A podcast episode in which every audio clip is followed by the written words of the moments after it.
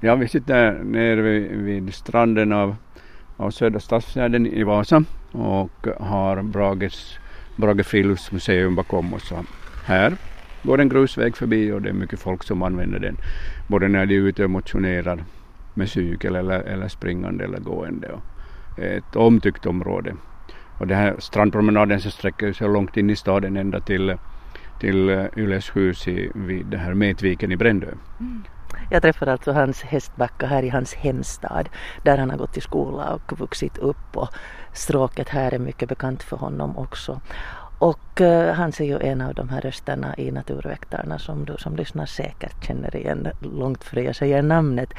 Um, är det Hasse man kallar dig? Nej. Inte Hans? Nej, aldrig. Okay.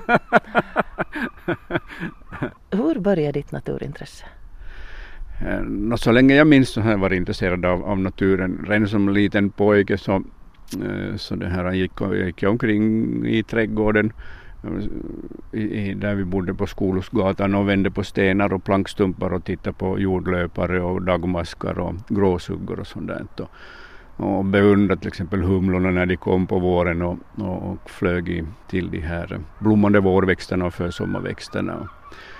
Staden såg ju förstås helt annorlunda ut. Mm, trähus längs med eh, gatorna och sen inne på gården då en stor trädgård. Och vår trädgård så var ganska förvildad så där fanns mycket natur att se. Plus förstås fåglarna som kom tack vare holkarna som vi satt upp. Jag blev mycket tidigt holkoman och det har jag fortsatt med ända till de här dagarna. Mm.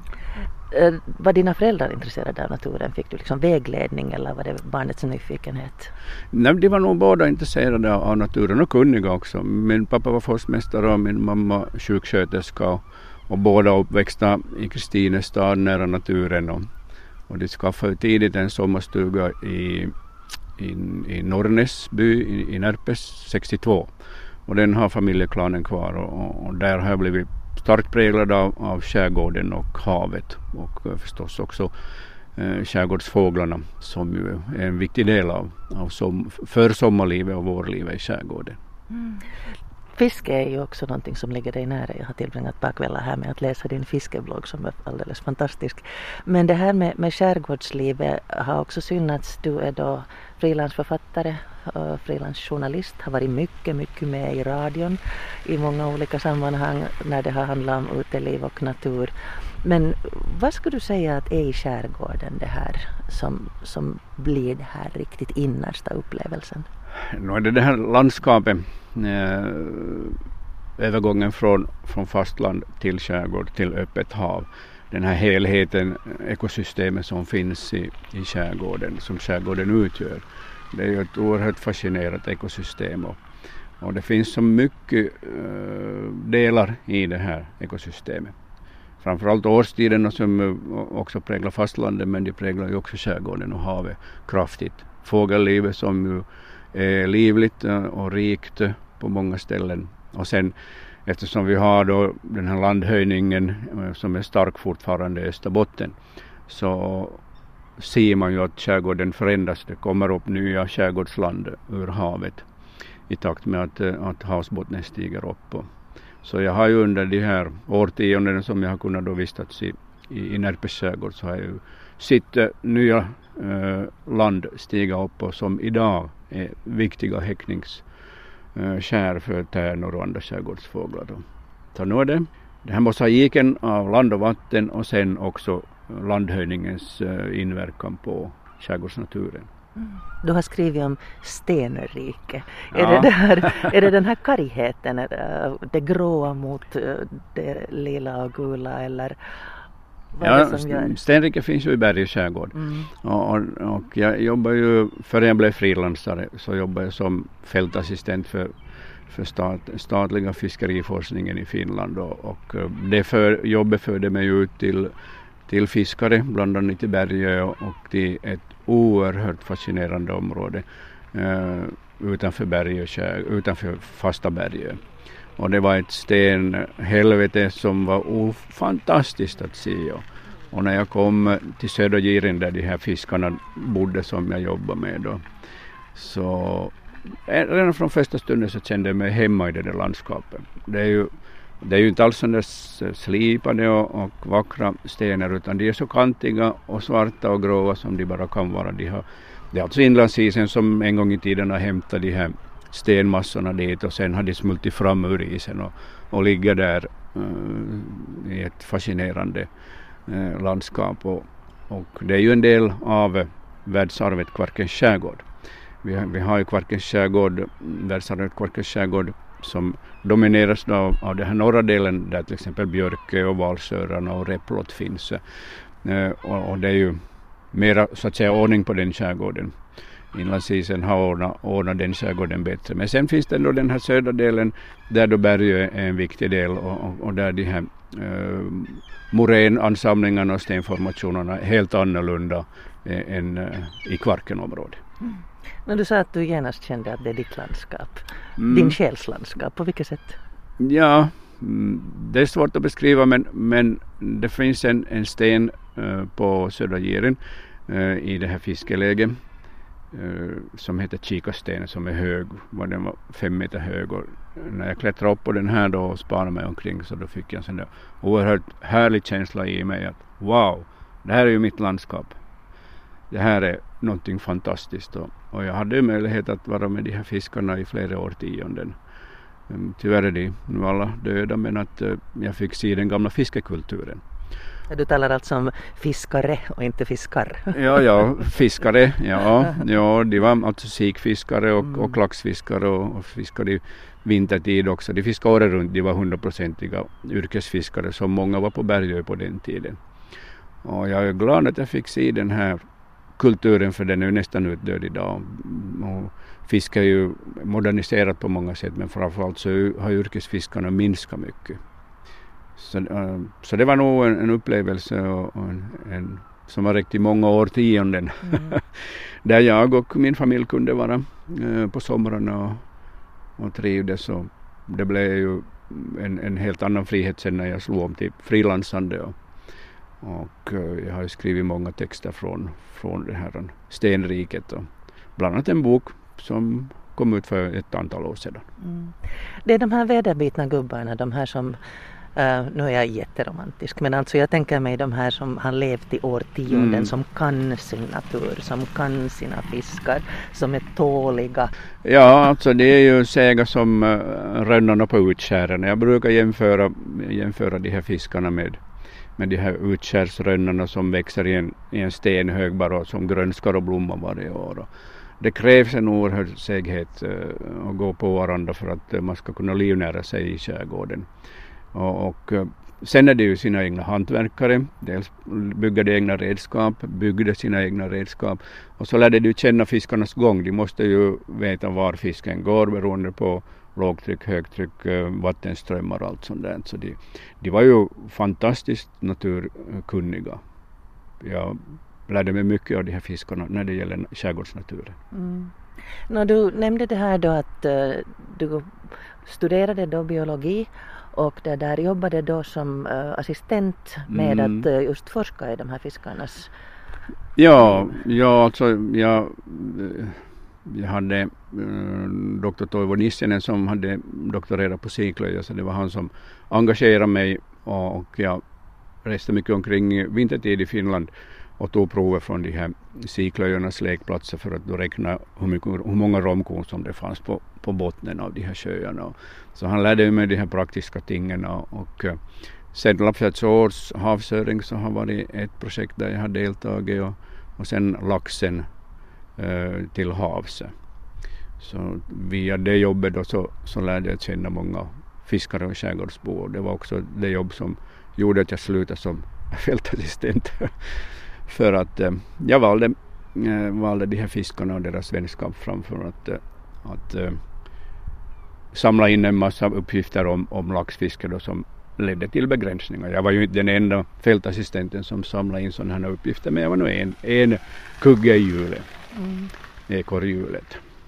Så det är inte någon slags sån här fritidsfiskarintresse i dig utan det är den här, om jag förstår dig rätt, den här skärgårdskulturen? Ja, nu är skärgårdskulturen oerhört viktig. Ja, jag har ju varit fritidsfiskare mycket också, eh, både med kastspö och med nät och, och brukar bygga mina egna nät reparera egna nät och sånt där. Så nu har jag sysslat en hel del med, med fritidsfiske också. Med, jag har till och med hunnit vara uh, yrkesfiskare mellan varven och uh, jobba på en laxbåt två höstar och, och, och det här um, fiska sik med Norrnäsbo tre vårar så att jag har fått smaka på det också så det är praktiska livet. Mm.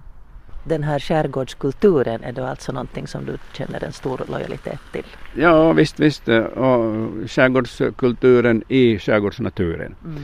För att äh, människan har ju i långa tider levt också i skärgården och, och eh, det är ju de här rika fiskstammarna och sälstammarna som har gjort att äh, människan har kunnat slå sig ner i, i skärgården och längs med kusten i, i Finland. Det har varit en grundförutsättning. Jag brukar kalla de här yrkena för fadersyrke. Fadersnäringar medan de modersnäringarna finns på land. Då. Så utan det här fisk och säl så skulle det ju inte blivit någon fast befolkning här.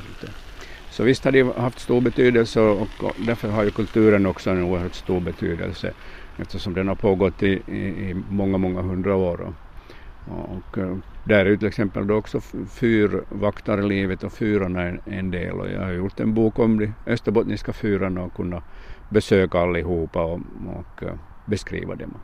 Mm. No, om vi återgår till ditt yrkesliv. Mm. Vi har ju varit inne på det att du har skrivit en hel del också. Mm. Du har varit aktiv radiojournalist, radiomedarbetare och med i Naturväktarna då. Det började med Österbottens naturväkteri. Ja, det Österbottniska naturväkteriet så, så började ju för många, många år sedan. Jag har inte fått reda på riktigt när vi började men det har hållit på länge och, och, och mm, jag jobbar då med Olle Lindros och, och Sonja Runte med det här Österbottniska naturväkteriet. Och, och vi körde ju faktiskt det året runt, alltså en gång i månaden.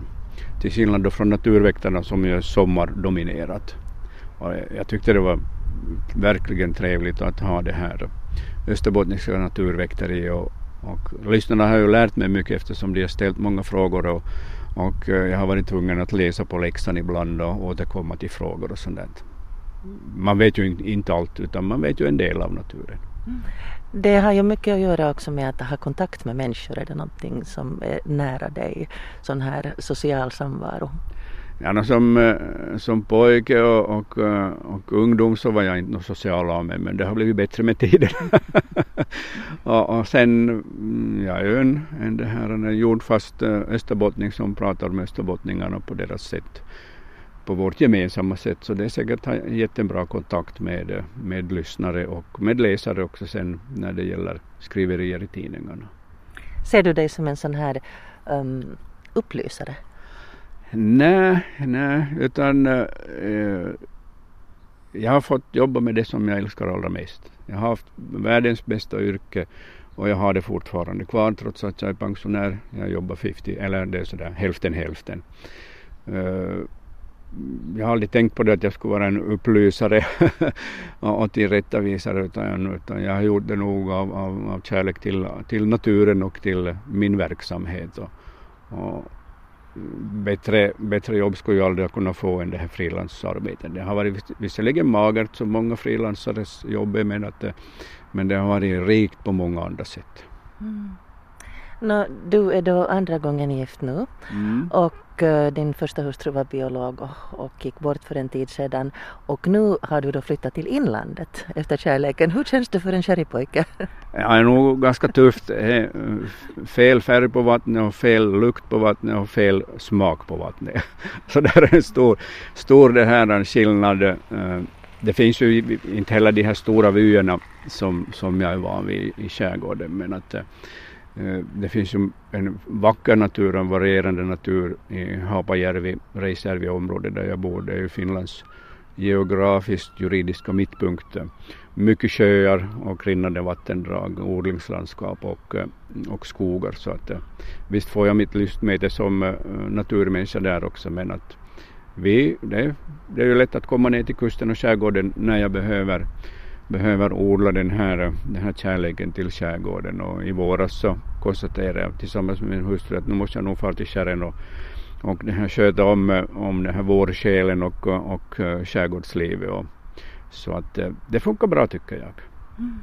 No, då vi eh, åkte hit så tittade vi på det hur naturen har förändrats och vi konstaterade också att idag då vi gör den här intervjun så är det 30 grader varmt ungefär. Och Eh, det händer mycket i, i miljön nu. Du som har följt med i, i decennier, hur ser du på liksom den utvecklingen om vi talar om skärgården nu? Vad, vad är skärgårdens framtid? Är det ett allihelsike i juli? No, eh, till exempel där i, i Nordens skärgård där jag då haft förmånen att vara varje somras så där har vi ju haft blågröna alger i, i många år och de kommer och går. Eh, den här gången, vi har just varit en vecka på, på den här sherrystugan och, och den här gången såg vi blågrön alger bara på ett litet område men att eh, det är tyvärr så att, eh, att vi kommer att ha de här blågrönalgerna i, i, stor omfattning. Och det är på grund av övergödningen och människans påverkan av nedsmutsning av havet. Så nu är det bekymmersamt att, att, det här, att vi har de här blågröna alger finns ju av naturen men de, de drar ju stor nytta av framförallt fosforn som vi släpper ut i havet och sen av den här varma väderleken. Så nu är det ju stora förändringar som har skett. Samtidigt så har vi ju fortfarande kvar ett rikt fågelliv i skärgården. Och när jag var ung så var ju inte fåglarna alls lika talrika i skärgården eftersom de hade, hade det här utsatts för ganska mycket fångst och jakt och äggtäkt tidigare. Mm. Det var en del av levebrödet? Ja, det var en del av, av det naturliga levebrödet i skärgården att man utnyttjar skärgårdsnaturen och man utnyttjar den faktiskt effektivt. Eh, eh, övereffektivt får man ju säga men att eh, det var ju människans sätt att leva på den tiden och det fanns ju många barnrika familjer i skärgården som behövde mat och då tog man det som fanns. Mm.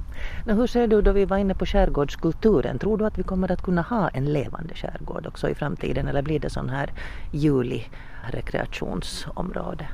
No, det är ju också en levande skärgård på sitt sätt förstås. Mm. Människans kultur så, så ändrar, ju, ändrar ju med årtiondena och, och vår kultur har ändrat och den ekonomiska uppbyggnaden av samhället har ändrat. Jag tror inte att skärgården blir folktom men att äh, den är relativt folktom nu om man jämför med tidigare förstås. Men det här, alltid kommer det att finnas människor i skärgården och, och jag ser ju nog att det här, det här friluftslivet det är ju också en del av vår kultur, en del av, av skärgårdskulturen.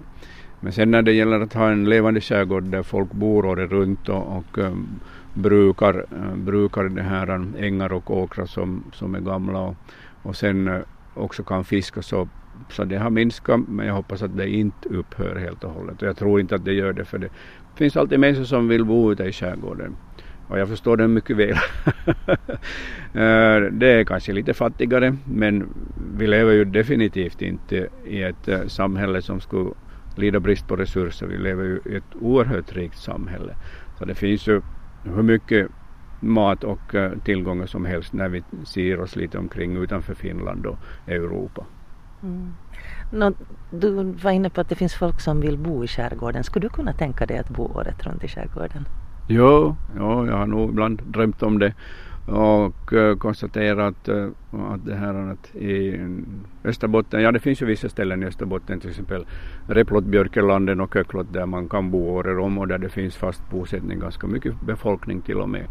Uh, men eftersom jag har bott i Närpes största delen av, av min yrkesverksamma tid så så har det gått bra att kombinera då uh, skärgården på sommarstugan med livet på landbacken i Kalax där vi bodde.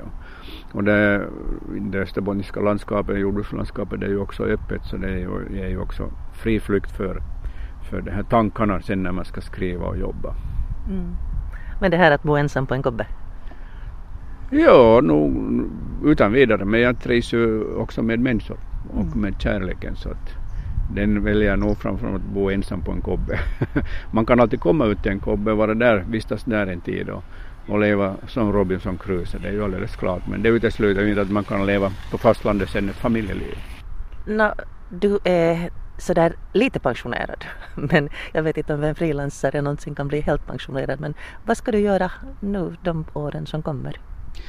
Eh, no, jag är ju delvis pensionär och, och, det, är ju, det är ju ett bra sätt att leva på. Jag behöver inte jobba lika intensivt som, som tidigare men, men samtidigt så, så trivs jag oerhört bra med att skriva. Min dotter har sagt att eh, du kommer aldrig att sluta skriva därför att det ligger i ditt blod och, och det är ditt liv. Och hon har alldeles rätt i det. Och, och eh, jag skriver så länge chefredaktörerna inte ringer och, och säger att, att nu, nu börjar det nog slira upp i knoppen att nu måste sluta.